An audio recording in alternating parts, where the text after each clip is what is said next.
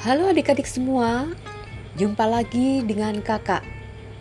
Kali ini kakak ingin menceritakan kisah tentang burung bangau yang angkuh.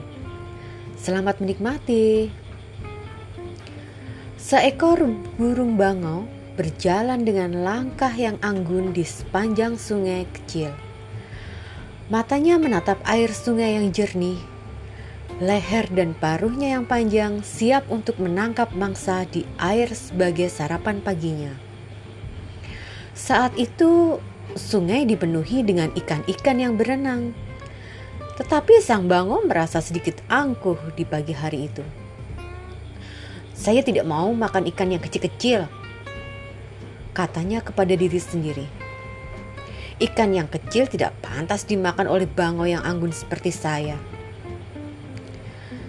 Sekarang, seekor ikan yang sedikit lebih besar dari ikan lainnya lewat di dekatnya. Tidak, kata Sabangu. Saya tidak akan merepotkan diri saya untuk membuka paru dan memakan ikan sebesar itu.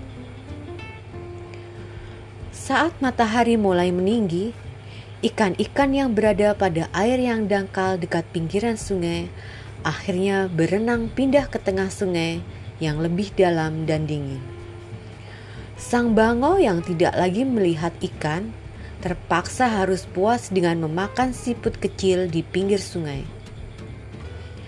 Adik-adik sekalian, kisah moral yang ingin kakak sampaikan kali ini adalah jangan bersikap angkuh dan menolak sesuatu yang kecil. Karena bisa saja kamu tidak mendapatkan apa-apa karena keangkuhanmu. Demikian kisah kali ini kakak ceritakan. Sampai jumpa di episode selanjutnya. Terima kasih.